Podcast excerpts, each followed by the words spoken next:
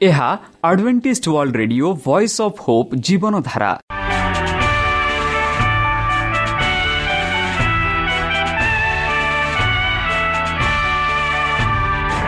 Odia radio କାର୍ଯ୍ୟକ୍ରମ ଯାହା ଆମର ଆନ୍ତର୍ଜାତୀୟ ଆଘାତ କେନ୍ଦ୍ରରୁ ପ୍ରସାରଣ କରାଯାଉଛି ପ୍ରତିଦିନ ରାତି ନଅଟା ତିରିଶ ମିନିଟ୍ରେ। ମୁଁ ସୁବ୍ରତ କୁମାର ପତି ପ୍ରେମର ସହ ଆପଣମାନଙ୍କୁ ଏହି କାର୍ଯ୍ୟକ୍ରମକୁ ସ୍ୱାଗତ କରୁଅଛି। ଚାଲନ୍ତୁ ଆଜିର ତିରିଶ ମିନିଟ୍ର କାର୍ଯ୍ୟକ୍ରମ ବିଷୟରେ ଜାଣିନେବା।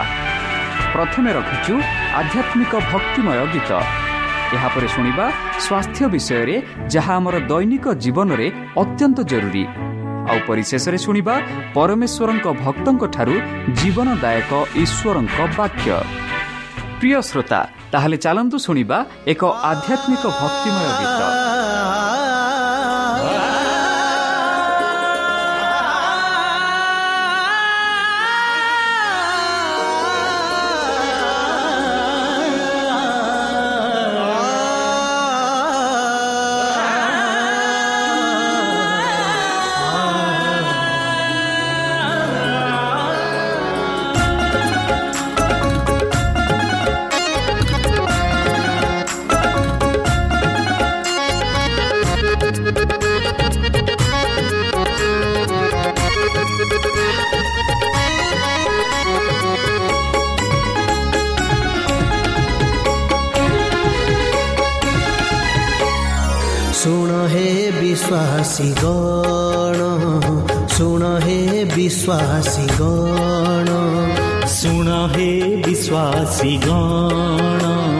ଶୁଣ ହେ ବିଶ୍ୱାସୀ ଗଣ ଆସୁଛନ୍ତି ଯୀଶୁ ଆମ ଆସୁଛନ୍ତି ଯୀଶୁ ଆମ ଆସୁଛନ୍ତି ଯୀଶୁ ଆମ ଆମ ଆସୁଛନ୍ତି ଯୀଶୁ ଆମ ଆସୁଛନ୍ତି ଯୀଶୁ ଆମ ଆସୁଛନ୍ତି ଯୀଶୁ ଆମ ଶୁଣ ହେ ବିଶ୍ୱାସୀ ଗଣ ଶୁଣ ହେ ବିଶ୍ୱାସୀ ଗଣ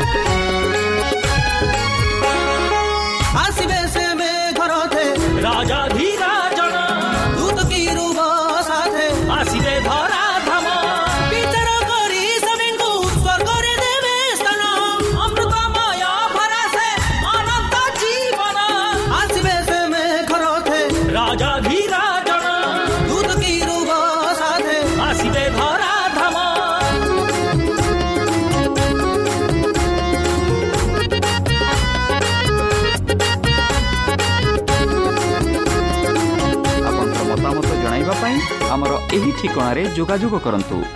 ଆମ ଠିକଣା Adventist Media Centre SDA mission compound Salisbury Park Pune ଚାରି ଏକ ଏକ ଶୂନ ତିନି ସାତ ମହାରାଷ୍ଟ୍ର। ବା ଖୋଲନ୍ତୁ ଆମର ୱେବସାଇଟ୍ ଯେକୌଣସି Android phone smartphone desktop laptop କିମ୍ବା ଟ୍ୟାବ୍ଲେଟ୍ ଆମର website W W W dot A W R dot O R G slash O R I ଏବଂ W W W dot Adventist Media Centre India dot O R G ବର୍ତ୍ତମାନ ଚାଲନ୍ତୁ ଶୁଣିବା। ଈଶ୍ୱରଙ୍କ ଭକ୍ତଙ୍କଠାରୁ ଈଶ୍ୱରଙ୍କ ଜୀବନଦାୟକ ବାକ୍ୟ ନମସ୍କାର ପ୍ରିୟ ଶ୍ରୋତା ସେହି ସର୍ବଶକ୍ତି ସର୍ବଜ୍ଞାନୀ ପ୍ରେମର ସାଗର ଦୟାମୟ ଅନ୍ତର୍ଜମୀ ଅନୁଗ୍ରହ ପରମ ପିତାଙ୍କ ମଧୁର ନାମରେ ମୁଁ ପାଷ୍ଟର ପୂର୍ଣ୍ଣଚନ୍ଦ୍ର ଆଉ ଥରେ ଆପଣମାନଙ୍କୁ ଏହି କାର୍ଯ୍ୟକ୍ରମରେ ସ୍ୱାଗତ କରୁଅଛି। ପ୍ରିୟ ଶ୍ରୋତା ସେହି ସର୍ବଶକ୍ତି ପରମେଶ୍ୱର ଆପଣମାନଙ୍କୁ ଆଶୀର୍ବାଦ କରନ୍ତୁ। ଆପଣଙ୍କୁ ସମସ୍ତ ପ୍ରକାର ଦୁଃଖ କଷ୍ଟ ବାଧା କ୍ଲେଶ ଓ ରୋଗରୁ ଦୂରେଇ ରଖନ୍ତୁ। ଶତ୍ରୁ ସୈତାନ ହସ୍ତରୁ ସେହି ପରମେଶ୍ୱର ଆପଣମାନଙ୍କୁ ସୁରକ୍ଷାରେ ରଖନ୍ତୁ। ତାହାଙ୍କ ପ୍ରେମ ତାହାଙ୍କ ସ୍ନେହ ତାହାଙ୍କ କୃପା ତାହାଙ୍କ ଅନୁଗ୍ରହ ସଦାସର୍ବଦା ଆପଣଙ୍କଠାରେ ସହବର୍ତ୍ତୀ ରହୁ। ପ୍ରିୟସତା ଚାଲନ୍ତୁ। ଆଜି ଆମ୍ଭେମାନେ କିଛି ସମୟ ପବିତ୍ର ଶାସ୍ତ୍ର ବାଇବଲଠୁ ତାହାଙ୍କ ଜୀବନଦାୟକ ବାକ୍ୟ ଧ୍ୟାନ କରିବା। ଯେପରିକି ଆମେ କେତେ ଦିନ ଧରି ପବିତ୍ର ଆତ୍ମାଙ୍କ ବିଷୟରେ ଆଲୋଚନା କରୁଛେ। ଆଉ ଏଇ ଯେଉଁ ପବିତ୍ର ଆତ୍ମା କିପରି ବହିବ ବା କିପରି ଆମମାନଙ୍କ ଉପରେ ଢଳାଯିବ ତାହା ବିଷୟରେ ଆଜି ଆଉ କାଲିକୁ ଆମେ ଆଲୋଚନା କରିବା। ଆଜି ଆମେ ତା'ର ଭାଗ ଏକ ଯାହା ଆମେ ଇଂରାଜୀରେ କହୁଛୁ the outpouring of the spirit ଯାହା ଆତ୍ମାର ବହିବା ବନ୍ଧୁ ଏହି ଯେଉଁ ଆତ୍ମା ସ୍ୱର୍ଗରୁ ଆରୋହଣ ପୂର୍ବରୁ ଯୀଶୁ ତାଙ୍କ ଶିଷ୍ୟମାନଙ୍କୁ ଅପେକ୍ଷା କରିବାକୁ କ'ଣ କହିଥିଲେ? ଯେବେ ପରମେଶ୍ୱର ସ୍ୱର୍ଗରାଜ ଯିବା ପୂର୍ବରେ ଯୀଶୁପ୍ରଭୁ କହିଲେ କି ପବିତ୍ର ଆତ୍ମା ଆସିବା ପର୍ଯ୍ୟନ୍ତ ତୁମେ ସେହି ଜେରୁସାଲାମରେ ରୁହ। ଆଉ ଯେବେ ପବିତ୍ର ଆତ୍ମା ଆସିବ ଯେବେ ସେହି ପବିତ୍ର ଆତ୍ମା ତୁମମାନଙ୍କୁ ଦିଆଯିବ ଯେବେ ସେ ସାହାଯ୍ୟକାରୀ ତୁମମାନଙ୍କୁ ଦିଆଯିବ ସେତେବେଳେ ତୁମେ ସେହି ଜେରୁସାଲାମରୁ ସେହି କାର୍ଯ୍ୟକୁ କରିବା ପାଇଁ ଆଗକୁ ବଢ଼ିବ। ବନ୍ଧୁ ଆମେ ପବିତ୍ର ଶାସ୍ତ୍ରରେ ପାଉଅଛୁ। ଯେବେ ଯୀଶୁଖ୍ରୀଷ୍ଟ ସ୍ୱର୍ଗକୁ ଚାଲିଗଲେ ଆଉ ଶିଷ୍ୟମାନେ ସେହି ଯେଉଁ ଜେରୁସାଲାମର ଉପର ବଖରାରେ ପ୍ରାର୍ଥନା କରି ଜଗିଥିଲେ। ଆମେ ଦେଖୁଛୁ ପଚାଶ ଦିନ ପରେ ସେହି ଆତ୍ମା ଏକ ଅଗ୍ନି ସ୍ୱରୂପ ସହ ଆସିଲା। ଆଉ ଯେବେ ସମସ୍ତେ ଆତ୍ମା ପାଇଲେ ଆମେ ଦେଖୁଅଛୁ ସେଥିରେ ବିଭିନ୍ନ ଭାଷା ଲୋକ ଥିଲେ। ଆଉ ଯେବେ ସେମାନେ କଥାବାର୍ତ୍ତା ହେବାର ଆରମ୍ଭ କଲେ ଆମେ ଦେଖୁଅଛୁ ସେମାନେ ନିଜ ଭାଷାରେ ବୁଝିପାରୁଥିଲେ କି ପିତର କି ଭାଷାରେ କହୁଛନ୍ତି ସେ ଭାଷାରେ ମଧ୍ୟ ଅନ୍ୟ ଲୋକ ଅନ୍ୟ ଭାଷିଆ ଲୋକ ମଧ୍ୟ ସେଇ ଭାଷା ବୁଝିପାରୁଥିଲେ। ଯେପରି ଲୁକ ତାର ଚବିଶ ଅଣଚାଶରେ ଆମେ ପାଉଛୁ।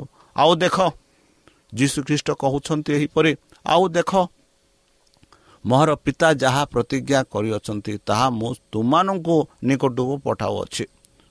କିନ୍ତୁ ଉର୍ଦ୍ଦରୁ ଶକ୍ତି ପ୍ରାପ୍ତ ନ ହେବା ପର୍ଯ୍ୟନ୍ତ ତୁମମାନେ ଏହି ନଗରରେ ରହିଥାଅ। ବନ୍ଧୁ ଯୀଶୁ ଖ୍ରୀଷ୍ଟ ଆପଣା ଶିଷ୍ୟମାନଙ୍କୁ କହୁଅଛନ୍ତି କି ଦେଖ ମୋର ପିତା ଯାହା ମୋତେ ପ୍ରତିଜ୍ଞା କରିଛନ୍ତି ଆଉ ତାହା ମୁଁ ତୁମମାନଙ୍କ ନିକଟକୁ ପଠାଉଅଛି। ସେହି ପ୍ରତିଜ୍ଞା ଥିଲା ପବିତ୍ର ଆତ୍ମାଙ୍କ। ଆଉ ଯେବେ ମୁଁ ପିତାଙ୍କ ପାଖକୁ ଯିବି ସେତେବେଳେ ମୁଁ ସେହି ପବିତ୍ର ଆତ୍ମା ତୁମମାନଙ୍କୁ ପଠାଇବି। ଆଉ ସେତେ ପର୍ଯ୍ୟନ୍ତ ତୁମମାନେ ଏହି ନଗରରେ ରହିଥାଅ। ଆଉ ଯେବେ ସେହି ଯେଉଁ ଉପହାର ସେହି ଯେଉଁ ଶକ୍ତି ତୁମେ ପାଇବ ତେବେ ତୁମେ ଆପଣା କାର୍ଯ୍ୟ ସେହି ପ୍ରଚାର କାର୍ଯ୍ୟ କରିବାକୁ ଯିବ ବୋଲି ପରମେଶ୍ୱର ଯୀଶୁଖ୍ରୀଷ୍ଟ ଆପଣା ଶିଷ୍ୟମାନଙ୍କୁ କହିଲେ ସେ କ'ଣ କହିଥିଲେ? ସେ କହିଥିଲେ ଯେ ସେମାନେ ଶୀଘ୍ର ବାପ୍ତିଜିତ ହେବେ। କାହା ଦ୍ୱାରା ସେହି ପବିତ୍ର ଆତ୍ମା ଦ୍ୱାରା ସେମାନେ ବାପ୍ତିଜିତ ହେବେ। ମାନେ ପବିତ୍ର ଆତ୍ମା ସେମାନଙ୍କ ଉପରେ ଆସିବ ଆଉ ପବିତ୍ର ଆତ୍ମା ସେମାନଙ୍କ ଜୀବନରେ କାର୍ଯ୍ୟ କରିବ। ମନେ ରଖନ୍ତୁ ବନ୍ଧୁ ଯଦି ଆମେ ମାଥୁ ତାର ତିନି ଏଗାର ଆଉ ଯଦି ଆମେ ଦେଖିବା ଜହନଙ୍କ ବିଷୟରେ ଜହନ ବାପ୍ଟିଷ୍ଟ ଏହି ବାପ୍ଟିସ୍ମ ଭବିଷ୍ୟବାଣୀ କରିଥିଲେ। ଯାହା ଯୀଶୁଖ୍ରୀଷ୍ଟ କହୁଛନ୍ତି ସେହି ବାପ୍ଟିସ୍ମ ବିଷୟରେ ଜହନ ବାପ୍ଟିସ୍ମ ଏହି ବିଷୟରେ କହିଥିଲେ ବନ୍ଧୁ। ସେ କହିଥିଲେ ମୁଁ ପ୍ରକୃତରେ ତୁମମାନଙ୍କୁ ଅନୁତାପ କରିବା ପାଇଁ ପାଣିରେ ବାପ୍ଟିସ୍ମ ଦେଉଛି କିନ୍ତୁ ସେ ମୋର ପରେ ଆସିଥିବା ମୋର ଠାରୁ ଅଧିକ ଶକ୍ତିଶାଳୀ। ଯାହାର ଜୋତା ମୁଁ ସହିବାକୁ ଯୋଗ୍ୟ ନୁହେଁ ସେ ତୁମକୁ ପବିତ୍ର ଦୂତ ବା ପବିତ୍ର ଆତ୍ମା ସହିତ ଏବଂ ନ୍ୟାୟ ସହିତ ବାପ୍ଟିସ୍ମ ଦେବ। ଦେଖନ୍ତୁ ବନ୍ଧୁ କେଡ଼େ ସୁନ୍ଦର ଭାବରେ ଯୀଶୁ ଖ୍ରୀଷ୍ଟଙ୍କ ବିଷୟରେ ବାପ୍ଟି ଜହନ ବାପ୍ଟିସ୍ମ କହୁଛନ୍ତି ବର୍ତ୍ତମାନ ତୁମମାନଙ୍କୁ ମୁଁ ପାଣିରେ ଡୁବାଇ ବାପ୍ଟିଜିତ କରୁଛି। ମାତ୍ର ବର୍ତ୍ତମାନ ଯେଉଁ ବ୍ୟକ୍ତି ଆସିବ ସେ ବ୍ୟକ୍ତି ତାର ଜୋତା ଛୁଇଁବାର ବା ଧରିବାର ଯୋଗ୍ୟ ମୋର ନୁହେଁ। ସେ ତୁମମାନଙ୍କୁ କ'ଣ କରିବ? ସେହି ପବିତ୍ର ଆତ୍ମାଙ୍କ ସହିତ ଏବଂ ନିହା ସହିତ ତୁମମାନଙ୍କୁ ବାପ୍ଟିଜିତ କରିବ। ଏହିପରି ଜନ ବାପ୍ଟିସ୍ମ ସେଇ ଯଦନ ନଦୀରେ ପ୍ରଚାର କରୁଥିଲେ ଯୀଶୁଖ୍ରୀଷ୍ଟଙ୍କ ବିଷୟରେ। ଆଉ ସେହିପରି ଆମେ ଦେଖୁଅଛୁ କି ଯୀଶୁଖ୍ରୀଷ୍ଟ ଆପଣା ଶିଷ୍ୟମାନଙ୍କୁ କହୁଛନ୍ତି କି ମୋର ପିତା ଯାହା ପ୍ରତିଜ୍ଞା କରିଅଛନ୍ତି ତାହା ମୁଁ ତୁମମାନଙ୍କ ନିକଟକୁ ପଠାଉଅଛି। ତାହା ହେଉଛି କି ପବିତ୍ର ଆତ୍ମା। ଆଉ ଯେବେ ତୁମେ ସେହି ପବିତ୍ର ଆତ୍ମା ପାଇବ ତୁମେ ଶକ୍ତି ପ୍ରାପ୍ତ ହେବ। ଆଉ ଯେବେ ତୁମେ ଶକ୍ତି ପ୍ରାପ୍ତ ହେବ ତେବେ ତୁମେ ଏହି ନଗରରୁ ବାହାରକୁ ଯିବ। ବନ୍ଧୁ ସେମାନେ ପ୍ରସ୍ତୁତ କରିବା ପାଇଁ ଏହି ବାପିଜ୍ମ କେଉଁ ଗୁରୁତ୍ୱପୂର୍ଣ୍ଣ କାର୍ଯ୍ୟ ଥିଲା? ବନ୍ଧୁ ଜଣେ ଯଦି ପରୀକ୍ଷା ଲେଖିବାକୁ ଯାଉଅଛି ଆଉ ସେଇ ବ୍ୟକ୍ତି ବା ସେଇ ପିଲା ଯଦି ନିଜକୁ ପ୍ରସ୍ତୁତ କରିବ ନାହିଁ ତାହେଲେ ସେଇ ପିଲା କିପରି ପରୀକ୍ଷା ଲେଖିପାରିବ ଯଦି ଆପଣ କିଛି କାର୍ଯ୍ୟ କରିବାକୁ ଯାଉଛନ୍ତି ବା ଘର ବାନ୍ଧିବାକୁ ଯାଉଛନ୍ତି ବା ବିବାହ କରିବାକୁ ଯାଉଛନ୍ତି ସେହି ବିବାହ ପୂର୍ବେ ସେଇ ଘର ଗଢ଼ିବା ପୂର୍ବେ ଆପଣମାନେ ପ୍ରସ୍ତୁତି କରିବାକୁ ପଡ଼ିବ। କି ପ୍ରକାରେ ସମସ୍ତ ପ୍ରକାର ପ୍ରସ୍ତୁତି କରିବାକୁ ପଡ଼ିବ। ଯେପରି ଘର ବନ୍ଧାରେ କୌଣସି ବାଧା ନ ଆସୁ। ଯେପରି ପରୀକ୍ଷା ସମୟରେ ପିଲାଟି କିଛି ବାଧା ଅନୁଭବ ନ କରୁ। ସେହିପରି ଆମେ ଦେଖୁଅଛୁ କି ଯୀଶୁଖ୍ରୀଷ୍ଟ ଆପଣା ଶିଷ୍ୟମାନଙ୍କୁ ସେହି ପବିତ୍ର ଆତ୍ମା ଦ୍ୱାରା ବାପ୍ଟିସ୍ମ ଦେଲେ। ଆଉ ଯେବେ ସେମାନେ ବାପ୍ଟିସ୍ମ ହେଲେ ସେତେବେଳେ ତାଙ୍କ କାର୍ଯ୍ୟରେ ସେମାନେ ଶକ୍ତି ପ୍ରାପ୍ତ ହେଲେ। ଯେପରି ଆମେ ପ୍ରେରିତ ଏକ ଆଠରେ ପାଉଛୁ କିନ୍ତୁ ପବିତ୍ର ଆତ୍ମା ତୁମମାନଙ୍କ ଉପରେ ଅବତୀର୍ଣ୍ଣ ହୁଅନ୍ତେ ତୁମାନେ ଶକ୍ତି ପ୍ରାପ୍ତ ହେବ। ଆଉ ଜେରୁସାଲମ ସମସ୍ତ ଜିହୁଦା ପ୍ରଦେଶ ଓ ସମୀରଣ ଓ ପୃଥିବୀର ପର୍ଯ୍ୟନ୍ତ ସୁଦ୍ଧା ମୋର ସାକ୍ଷୀ ହେବ। ଦେଖନ୍ତୁ ବନ୍ଧୁ ପରମେଶ୍ୱର ସେମାନଙ୍କୁ ପ୍ରସ୍ତୁତ ହେବା ନିମନ୍ତେ ସେହି ପବିତ୍ର ଆତ୍ମା ଦ୍ୱାରା ସେମାନଙ୍କୁ ବାପ୍ଟିଜିତ କରାଇଲେ। ଆଉ ସେ କହିଲେ କି ଯେବେ ତୁମେ ଏହି ଯେଉଁ ପବିତ୍ର ଆତ୍ମା ଦ୍ୱାରା ବାପ୍ଟିଜିତ ହେବ ତୁମାନେ ଶକ୍ତି ପ୍ରାପ୍ତ ହେବ। ଆଉ ଯେବେ ତୁମେ ଶକ୍ତି ପ୍ରାପ୍ତ ହେବ ତୁମାନେ ଜିରୁସାଲାମ ଓ ସମସ୍ତ ଜୁହୁଦା ପ୍ରଦେଶର ଓ ସମୀରଣ ପୁଣି ପୃଥିବୀର ଶେଷ ପର୍ଯ୍ୟନ୍ତ ଯୁଧା ସୁଧା ମୋର ସାକ୍ଷ୍ୟ ହେବ ମାନେ ପୃଥିବୀର ଶେଷ ପର୍ଯ୍ୟନ୍ତ ଆମେ ଯାଇ ମୋର ବିଷୟ ସେମାନଙ୍କୁ କହିବ। ଏହିପରି ଯୀଶୁଖ୍ରୀଷ୍ଟ ଆପଣା ଶିଷ୍ୟମାନଙ୍କୁ କହିଥିଲେ। ତାହେଲେ ତାହେଲେ ଆତ୍ମାର ଉତ୍ତୋଳନ ପରେ କେଉଁ ପ୍ରକାର ଫଳ ଅନୁସରଣ କଲା? ଯଦି ଆମେ ପଢ଼ିବା ଏଇ ଯେଉଁ ଅଧ୍ୟାୟ ତାର ପ୍ରେରିତ ଦୁଇ ସଇଁତିରିଶ ଟୁ ଏକଚାଳିଶ ଯଦି ଆମେ ପଢ଼ିବା ଏଠି ଭଲ ଭାବରେ ଲେଖାଯାଉଛି। ଏହି କଥା ଶୁଣି ସେମାନଙ୍କୁ ହୃଦୟ ବିଦୀର୍ଣ୍ଣ ହୋଇଗଲା। କି କଥା? ପରମେଶ୍ୱରଙ୍କ କଥା ଶୁଣି ସେମାନେ ବିଦୀର୍ଣ୍ଣ ହେଲେ। ପୁଣି ସେମାନେ ପିତର ଓ ଅବଶିଷ୍ଟ ପରିତମାନଙ୍କୁ କହିଲେ ଭାଇମାନେ ଆମେମାନେ କ'ଣ କରିବା? ବନ୍ଧୁ ଦେଖନ୍ତୁ ଏଠି ଆମେ କେଡ଼େ ସୁନ୍ଦର ଭାବରେ ପିତରଙ୍କ କାର୍ଯ୍ୟ ବିଷୟରେ ଆମେ ଦେଖୁଅଛୁ। ଯେବେ ପିତର ସେହି ପବିତ୍ର ଆତ୍ମା ଦ୍ୱାରା ବାପିଜିତ ହେଲେ ଆଉ ପିତର ଯେବେ ଆପଣା ପ୍ରଚାର ଆରମ୍ଭ କଲେ ଆଉ ଯେବେ ସେ ପିତରଙ୍କ କଥା ସେଇ ଜନସମୂହ ଶୁଣିଲେ ସେମାନେ ଏହିପରି ପ୍ରଶ୍ନ କଲେ କି ପ୍ରେରିତମାନେ କହିଲେ ଭାଇମାନେ ଆମମାନେ କ'ଣ କରିବା? ତେଣୁ ପିତର ସେମାନଙ୍କୁ କହିଲେ ଆପଣମାନେ ମନ ପରିବର୍ତ୍ତନ କରନ୍ତୁ। ଦେଖନ୍ତୁ ଆପଣମାନେ ମନ ପରିବର୍ତ୍ତନ କରନ୍ତୁ। ମାନେ ମନ ପରିବର୍ତ୍ତନ ମାନେ କ'ଣ ବନ୍ଧୁ? ଯଦି ମୁଁ ଏହା ପୂର୍ବରୁ କିଛି ଭୁଲ କାମ କରୁଥିଲି ଯଦି ମୁଁ ଏହା ପୂର୍ବରୁ କିଛି ଚୋରି କାମ କରୁଥିଲି ଯଦି ମୁଁ ଏହା ପୂର୍ବରୁ ବ୍ୟବିଚାରରେ ନିଜକୁ ସମର୍ପିତ କରୁଥିଲି ବା ଅନ୍ୟ କାର୍ଯ୍ୟରେ ଧକ୍କା କାମରେ ମୁଁ ସମର୍ଥ କରିଥିଲି ସେହି କାର୍ଯ୍ୟରୁ ଆମେ ପରିବର୍ତ୍ତନ ହେବା ସେହି କାର୍ଯ୍ୟକୁ ଆମେ ଛାଡ଼ିଦେବା ଆଉ ପରମେଶ୍ୱରଙ୍କ ପାଖରେ ଆମେ ସ୍ୱୀକାର କରି ଆମର ପାପ ପାଇଁ ପରମେଶ୍ୱରଙ୍କ ଠାରେ ଅନୁରୋଧ କରିବା ତାହା ହେଉଛି ମନ ପରିବର୍ତ୍ତନ ଆଉ ଏଠି ପିତର କହୁଛନ୍ତି ଆପଣମାନେ ମନ ପରିବର୍ତ୍ତନ କରନ୍ତୁ। ମନ ପରିବର୍ତ୍ତନ କରନ୍ତୁ। ଏକ। ଦୁଇ। ନିଜ ନିଜ ପାପ କ୍ଷମା ନିମନ୍ତେ ପ୍ରତ୍ୟେକ ଜଣ ଯୀଶୁଖ୍ରୀଷ୍ଟଙ୍କ ନାମରେ ବାପ୍ଟିଜିତ ହୁଅନ୍ତୁ। ପ୍ରତ୍ୟେକ ଜଣ ଯେଉଁ ବ୍ୟକ୍ତି ଯୀଶୁଖ୍ରୀଷ୍ଟଙ୍କଠାରେ ବିଶ୍ୱାସ କରୁଛି ସେହି ବ୍ୟକ୍ତି ଆପଣା ପାପ କ୍ଷମା ନିମନ୍ତେ ପରମେଶ୍ୱରଙ୍କଠାରେ ଆମେ ଯିବାକୁ ପଡ଼ିବ। ଆଉ ଯୀଶୁ ଖ୍ରୀଷ୍ଟଙ୍କ ନାମରେ ବାପ୍ତିଜିତ ହେବାକୁ ପଡ଼ିବ। ତାହେଲେ ଆପଣମାନେ ପବିତ୍ର ଆତ୍ମାଙ୍କର ଦାନ ପ୍ରାପ୍ତ ହେବ। ଦେଖନ୍ତୁ ବନ୍ଧୁ ଯେବେ ଆମେ ଯୀଶୁ ଖ୍ରୀଷ୍ଟଙ୍କୁ ବିଶ୍ୱାସ କରୁଛୁ ଯେବେ ଆମେ ମନ ପରିବର୍ତ୍ତନ କରୁଛୁ ଯେବେ ଆମେ ଆପଣା ପାପ କ୍ଷମା ନିମନ୍ତେ ପରମେଶ୍ୱରଙ୍କ ଠାରୁ ମାଗୁଅଛୁ ଯେବେ ଆମେ ଯୀଶୁ ଖ୍ରୀଷ୍ଟଙ୍କ ନାମରେ ବାପ୍ତିଜିତ ନେଉଛୁ ତାପରେ ଆମେ ପାଉଛୁ ପବିତ୍ର ଆତ୍ମାଙ୍କର ଦାନ। ତାପରେ ଆମେ ପାଉଛୁ ପବିତ୍ର ଆତ୍ମାଙ୍କର ଦାନ। କାରଣ ଏହି ପ୍ରତିଜ୍ଞା ଆମ ଆପଣମାନଙ୍କ ନିମନ୍ତେ ଏହି ପ୍ରତିଜ୍ଞା ଯାହା ଆମେ ପାଇଅଛୁ ଏହା ଆମ୍ଭ ନିମନ୍ତେ ବନ୍ଧୁ। ଆପଣମାନଙ୍କର ସନ୍ତାନ ସନ୍ତତି ନିମନ୍ତେ ଆମ ଯେଉଁ ସନ୍ତାନ ସନ୍ତତି ଅଛନ୍ତି ସେମାନଙ୍କ ନିମନ୍ତେ ବନ୍ଧୁ। ଆଉ ତାହା ଆମମାନଙ୍କ ନିମନ୍ତେ। ପୁଣି ଦୂରବର୍ତ୍ତୀ ଯେତେ ଲୋକଙ୍କୁ ପ୍ରଭୁ ଆମମାନଙ୍କ ଈଶ୍ୱର ଆପଣ ନିକଟକୁ ଡାକିବେ ସେହି ସମସ୍ତଙ୍କ ନିମନ୍ତେ ବନ୍ଧୁ। ଯେତେ ଲୋକ ପରମେଶ୍ୱରଙ୍କୁ ବିଶ୍ୱାସ କରନ୍ତି ହୋଇପାରେ ଆମ ଘର ପାଖରେ ନଥିଲେ ହୋଇପାରେ ଅନ୍ୟ ଗାଁରେ ଅନ୍ୟ ଦେଶରେ ଅନ୍ୟ ସହରରେ ଅନ୍ୟ ରାଷ୍ଟ୍ରରେ ଆମ ପରିଚୟ ଲୋକ ହୁଅନ୍ତି। ସେମାନେ ଯଦି ଖ୍ରୀଷ୍ଟଙ୍କ ଠାରେ ବିଶ୍ୱାସ କରନ୍ତି ଆଉ ସେମାନେ ମଧ୍ୟ ଏଇ ଏହା ପାଇବେ ବୋଲି ଆମେ ଦେଖୁଅଛୁ। ପୁଣି ଅନ୍ୟାନ୍ୟ ଅନେକ କଥା ଦ୍ୱାରା ସେ ସାକ୍ଷ୍ୟ ଦେବାକୁ ଲାଗିଲା। ଓ ସେମାନଙ୍କୁ ଉପଦେଶ ଦେଇ କହିଲେ ଏହି ଗୁଡ଼ିକ ବଂଶଠାରୁ ଆପଣମାନେ ରକ୍ଷା ପ୍ରାପ୍ତ ହୁଅନ୍ତୁ। ଦେଖନ୍ତୁ ଏଇ ଯେଉଁ ବାକ୍ୟ ପିତର କହିଲେ ଏହିସବୁ ତାଙ୍କର ବଂଶରୁ ରକ୍ଷା ପାଆନ୍ତୁ ବୋଲି କହିଲେ। କି ସେଇ ଯେଉଁ ନିଜ ସେଇ ଯେଉଁ ଲୋକେ ଶୁଣୁଥିଲେ ସେମାନଙ୍କୁ କହିଥିଲେ। ସେଥିରେ ଯେଉଁମାନେ ତାହାଙ୍କ ବାକ୍ୟ ଗ୍ରହଣ କଲେ ସେମାନେ ବାପ୍ତିତ ହେଲେ।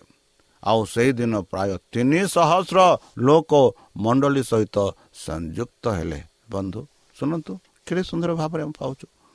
ଯେବେ ପବିତ୍ର ଆତ୍ମା ସେମାନଙ୍କ ସହ କାର୍ଯ୍ୟ କଲା ଯେବେ ସେମାନେ ନିଜ ନିଜ ପାପ କ୍ଷମା କ୍ଷମା ମାଗିଲେ ଯେବେ ସେମାନେ ଯୀଶୁ ଖ୍ରୀଷ୍ଟଙ୍କୁ ବିଶ୍ୱାସ କଲେ ଆମେ ଦେଖୁଅଛୁ ସେହି ଦିନରେ ପିତର ପ୍ରାୟ ତିନି ସହସ୍ର ମାନେ ତିନି ହଜାର ଲୋକେ ମଣ୍ଡ ବାପ୍ଟିଜିତ ବାପ୍ଟିଜିତ ନେଲେ ଆଉ ମଣ୍ଡଳୀର ସଂଯୁକ୍ତ ମାନେ ମଣ୍ଡଳୀର ସହିତ ସଂଯୁକ୍ତ ହେଲେ।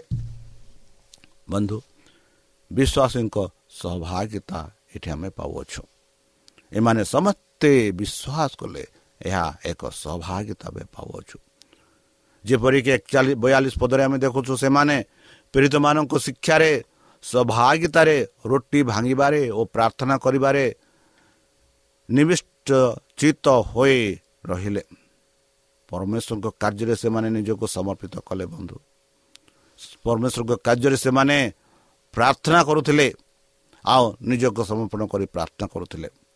ଆଉ ଲୋକ ସମସ୍ତେ ଭୀତ ହେବାକୁ ଲାଗିଲେ। ପୀଡ଼ିତମାନଙ୍କ ଦ୍ୱାରା ମଧ୍ୟ ଅନେକ ଅଭୂତ କର୍ମ ଓ ଲକ୍ଷଣ ସାଧିତ ହେବାକୁ ଲାଗିଲା। ବନ୍ଧୁ ସେହି ସମୟରେ ପୀଡ଼ିତମାନେ ଅନେକ ଆଶ୍ଚର୍ଯ୍ୟ କାର୍ଯ୍ୟ କରୁଥିଲେ। ଆଉ ସେ ଆଶ୍ଚର୍ଯ୍ୟ କାର୍ଯ୍ୟ ଦ୍ୱାରା ଆମେ ପାଉଛୁ ବାଇବଲରେ ଅଭୂତ କର୍ମ। ଆଉ ଓ ଲକ୍ଷଣ ସାଧିତ ହେବାକୁ ଲାଗିଲା ସେମାନଙ୍କ ଦ୍ୱାରା ମାତ୍ର ଯେଉଁମାନେ ବିଶ୍ୱାସ କଲେ ସେମାନେ ସମସ୍ତେ ଏକତ୍ରିତ ରହି ସବୁ ପ୍ରାର୍ଥନା ସାଧାରଣ ସମ୍ପତ୍ତି ବୋଲି ଜ୍ଞାନ କରୁଥିଲେ।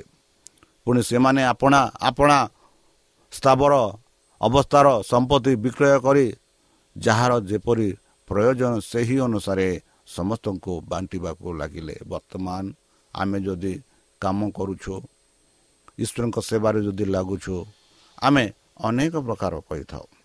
ଆମେ ଏହିପରି କହିଥାଉ କି ମୋତେ କେତେ ଦିଆଯିବ ମୋତେ କେତେ ମିଳିବ ମୋର ଆଦାୟ କେତେ ଏହିସବୁ ଆମେ ପ୍ରଶ୍ନ କରିଥାଉ। ଏମିତି ପ୍ରଶ୍ନ କରିଥାଉ ଯାହାକି ବେଳେ ବେଳେ ଆମେ ନିଜେ ବୁଝି ନଥାଉ ଆମେ କି ପ୍ରକାର ପ୍ରଶ୍ନ ପଚାରୁଛୁ। ବନ୍ଧୁ ଏଠି ପବିତ୍ର ଶାସ୍ତ୍ରରେ ଆମେ ପାଉଅଛୁ ସେହି ସମୟରେ ଯେତେ ଲୋକ ବିଶ୍ୱାସ କଲେ ପ୍ରଭୁଙ୍କ କାର୍ଯ୍ୟରେ ଆପଣା ଧନ ଆପଣା ସମ୍ପତ୍ତି ଆଣି ପରସ୍ପର ସହ ବାଣ୍ଟି କରି ପରମେଶ୍ୱରଙ୍କ କାର୍ଯ୍ୟରେ ପ୍ରାର୍ଥନାରେ ସେମାନେ ଲାଗି ରହିଲେ ବୋଲି ଆମେ ପାଉଅଛୁ ବନ୍ଧୁ ଯାହା ଆମେ ଛୟାଳିଶ ପଦରେ ଆମେ ଦେଖୁଅଛୁ ଆଉ ସେମାନେ ଏକଚିତ ହୋଇ ପ୍ରତିଦିନ ମନ୍ଦିରରେ ସମବେତ ହୋଇ ରହୁଥିଲେ। ଓ ଘରେ ଘରେ ରୁଟି ଭାଙ୍ଗି ଆନନ୍ଦରେ ଓ ସରଳ ହୃଦୟରେ ଭୋଜନ ପାପ ପାନ କରି ଈଶ୍ୱରଙ୍କ ପ୍ରଶଂସା କରୁଥିଲେ। ଏହିପରି ଆମେ ପାଉଅଛୁ ଏବଂ ସମସ୍ତ ଲୋକଙ୍କ ପ୍ରିୟ ପାତ୍ର ହେଉଥିଲେ। ପୁଣି ପ୍ରଭୁ ପରିତ୍ରାଣ ପ୍ରାପ୍ତ ହେଉଥିବା ଲୋକଙ୍କୁ ପ୍ରତିଦିନ ମଣ୍ଡଳୀ ସହିତ ସଂଯୁକ୍ତ କରିବାକୁ ଲାଗିଲା। ବନ୍ଧୁ କେଡ଼େ ସୁନ୍ଦର ଭାବରେ ଆମେ ଦେଖୁଅଛୁ କି ପରମେଶ୍ୱର କିପରି ସେହି ସମୟରେ ସେହି ମଣ୍ଡଳୀକୁ ସାହାଯ୍ୟ କରୁଥିଲେ। ଆଉ ସେହି ସମୟରେ ଲୋକେ କିପରି ପରମେଶ୍ୱରଙ୍କର କାର୍ଯ୍ୟରେ ନିଜକୁ ସମର୍ପିତ କଲେ? ଯଦି ଆମେ ପଢ଼ିବା ତାର ପ୍ରେରିତ ତାର ପାଞ୍ଚର ବାର ଟୁ ଚଉଦ ଆମେ ଦେଖୁଅଛୁ ଏହିପରି ବନ୍ଧୁ କି ପ୍ରେରିତମାନଙ୍କ ହସ୍ତ ଦ୍ୱାରା ଲୋକମାନଙ୍କ ମଧ୍ୟରେ ଅନେକ ଅନେକ ଲକ୍ଷଣ ଓ ଅଭୂତ କର୍ମ ସାଧିତ ହେବାରୁ ହେବାକୁ ଲାଗିଲା। ଆଉ ସମସ୍ତ ମଣ୍ଡଳୀ ଏକଚିତ ସୋଲମାନଙ୍କ ମଣ୍ଡପରେ ଉପସ୍ଥିତ ହେଉଥିଲେ। କିନ୍ତୁ ଅନ୍ୟ ଲୋକମାନଙ୍କ ମଧ୍ୟରୁ କେହି ସେମାନଙ୍କ ସହିତ ଯୋଗ ଦେବାକୁ ସାହସ କରୁନଥିଲେ। ତଥାପି ଲୋକମାନେ ସେମାନଙ୍କୁ ପ୍ରଶଂସା କରୁଥିଲେ। ପୁଣି ଆହୁରି ଅଧିକ ଅନେକ ପୁରୁଷ ଓ ସ୍ତ୍ରୀ ବିଶ୍ୱାସ କରି ପ୍ରଭୁଙ୍କ ସହିତ ସଂଯୁକ୍ତ ହେବାକୁ ଲାଗିଲେ। ବନ୍ଧୁ କେଡ଼େ ସୁନ୍ଦର ଭାବରେ ଏହି ପବିତ୍ର ଶାସ୍ତ୍ର ବାଇବଲ ଆମମାନଙ୍କୁ କହୁଛି। ଯେବେ ସେମାନେ ସେହି ପବିତ୍ର ଆତ୍ମା ଦ୍ୱାରା ବାପ୍ଟିଜିତ ହେଲେ ସେହି ବାପ୍ଟିଜିତ ଦ୍ୱାରା ଆମେ ପାଉଅଛୁ ବନ୍ଧୁ କି ପବିତ୍ର ଆତ୍ମା ସେମାନଙ୍କୁ ସାହାଯ୍ୟ କରୁଥିଲା। ଆଉ ପ୍ରତିଦିନରେ ପ୍ରତିଦିନେ ମଣ୍ଡଳୀକୁ ସହ ଲୋକେ ସଂଯୁକ୍ତ ହେଉଥିଲେ ପ୍ରଭୁ ଯୀଶୁଙ୍କୁ ବିଶ୍ୱାସ କରୁଥିଲେ ପବିତ୍ର ଆତ୍ମାର ଉପହାର ସେମାନେ ପାଉଥିଲେ। ଯଦି ଆମେ ପଢ଼ିବା ପ୍ରେରିତ ତାର ଛଅ ସାତ ସେଠି ଆମେ ପାଉଛୁ ଏହିପରି ବନ୍ଧୁ। ଏଥି ଉତ୍ତାରେ ଈଶ୍ୱରଙ୍କ ବାକ୍ୟ ଅଧିକ ବ୍ୟାପିଲା ଏବଂ ଜେରୁସାଲମର ଶିଶୁମାନଙ୍କ ସଂଖ୍ୟା ଅତିଶୟ ବୃଦ୍ଧି ପାଇବାକୁ ଲାଗିଲା। ଆଉ ଯାଜକମାନଙ୍କ ମଧ୍ୟରୁ ଅନେକ ଅନେକ ଲୋକ ବିଶ୍ୱାସ ମାର୍ଗ ଅବଲମ୍ବନ କରିବାକୁ ଲାଗିଲେ। ଦେଖନ୍ତୁ ବନ୍ଧୁ କିପରି ପରମେଶ୍ୱରଙ୍କ ବାକ୍ୟ ପ୍ରଚାର ହେବାର ଆରମ୍ଭ ହେଲା ତାହା ହେଉଛି ଈଶ୍ୱରଙ୍କର ଦାନ। ଯାହା ଆମେ ଈଶ୍ୱରଙ୍କ ଦାନ ବିଷୟରେ ଆମେ ଆଲୋଚନା କରୁଛୁ। ଆଉ କିପରି ସେମାନେ କାର୍ଯ୍ୟ କରୁଥିଲେ ଯେବେ ସେହି ପବିତ୍ର ଆତ୍ମା ସେମାନଙ୍କ ଠାରେ ଉପସ୍ଥିତ ସେମାନଙ୍କଠାରେ ଆସିଲା। ଆଉ ଯେବେ ସେମାନେ ସେହି ପବିତ୍ର ଆତ୍ମା ଦ୍ୱାରା ବାପ୍ଟିଜିତ ହେଲେ ସେମାନଙ୍କ ଜୀବନ ଏକ ବାର ପରିବର୍ତ୍ତନ ହୋଇଗଲା। ସେମାନେ ପରମେଶ୍ୱରଙ୍କ କାର୍ଯ୍ୟରେ ନିଜକୁ ସମର୍ପିତ କରିଥିଲେ।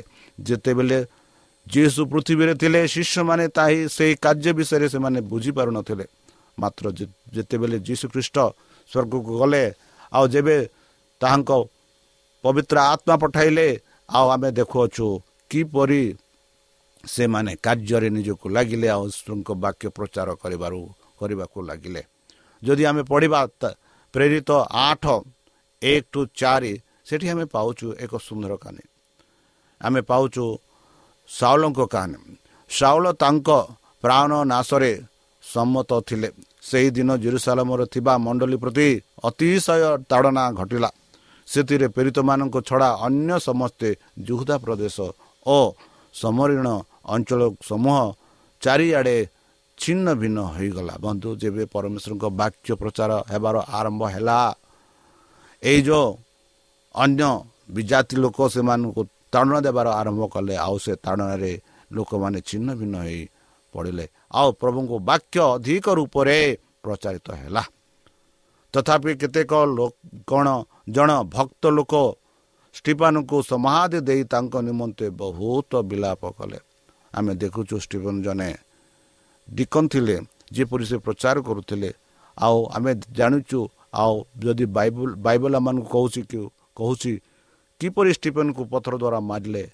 ଆଉ ଆମେ ଏଠି ପାଉଛୁ ଷ୍ଟିଫନ୍ର ଶବ ନେଇ ସେମାନେ ସମାଧି ଦେଲେ ବୋଲି। କିନ୍ତୁ ସାଉଲ ଘରେ ଘରେ ପଶି ପୁରୁଷ ସ୍ତ୍ରୀ ଲୋକ ମାନଙ୍କୁ ଟାଣି ଆଣି କାରାଗାରରେ ସମର୍ପଣ କରି ମଣ୍ଡଳୀକୁ ଉଚ୍ଛିନ୍ନ କରିବାକୁ ଲାଗିଲେ। ଏହିପରି ସାଉଲ ଥିଲେ।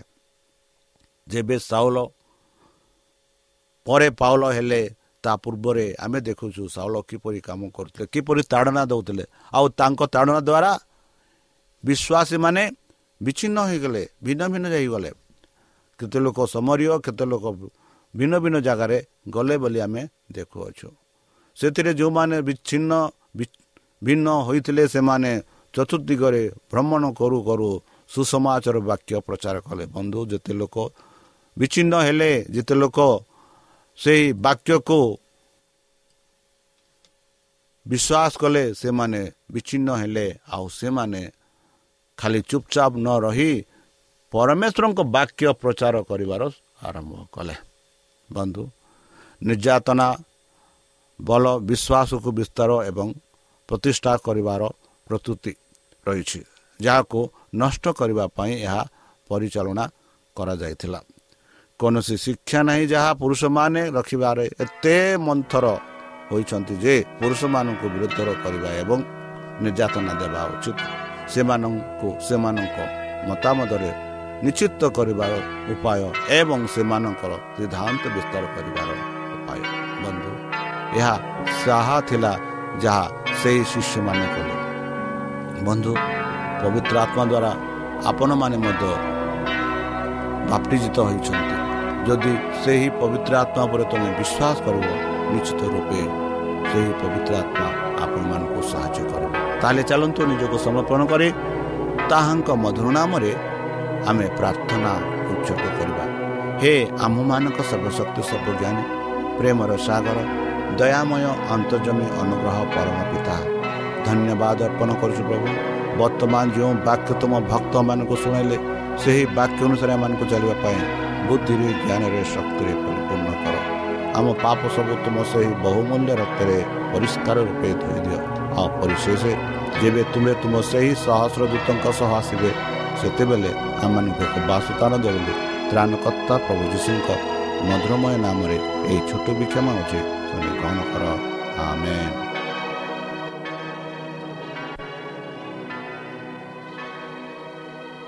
ପ୍ରିୟ ଶ୍ରୋତା ଆମେ ଆଶା କରୁଛୁ ଯେ ଆମର କାର୍ଯ୍ୟକ୍ରମ ଆପଣମାନଙ୍କୁ ପସନ୍ଦ ଲାଗୁଥିବ। ଆପଣଙ୍କର ମତାମତ ଜଣାଇବା ପାଇଁ ଆମର ଏହି ଠିକଣାରେ ଯୋଗାଯୋଗ କରନ୍ତୁ। ଆମ ଠିକଣା Adventist Media Centre SDA mission compound Salisbury Park Pune ଚାରି ଏକ ଏକ ଶୂନ ତିନି ସାତ ମହାରାଷ୍ଟ୍ର ବା ଖୋଲନ୍ତୁ ଆମର ୱେବସାଇଟ୍ ଯେକୌଣସି Android phone smartphone desktop laptop କିମ୍ବା ଟ୍ୟାବ୍ଲେଟ୍ ଆମର website W W W dot A W R dot O R G slash O R I ଏବଂ W W W dot Adventist Media Centre India dot O R G Adventist Media Centre ଇଣ୍ଡିଆର spelling ହେଉଛି A D V E N T I S T M E D I A C E N T R E I N D I A ଅଥବା download କରନ୍ତୁ ଆମର mobile app ଆପଣଙ୍କର mobile play ଷ୍ଟୋରକୁ ଯାଆନ୍ତୁ ଆଉ type କରନ୍ତୁ the Voice of Hope ଆଉ download କରନ୍ତୁ ଈଶ୍ୱର ଆପଣଙ୍କୁ ଆଶୀର୍ବାଦ କରନ୍ତୁ ଧନ୍ୟବାଦ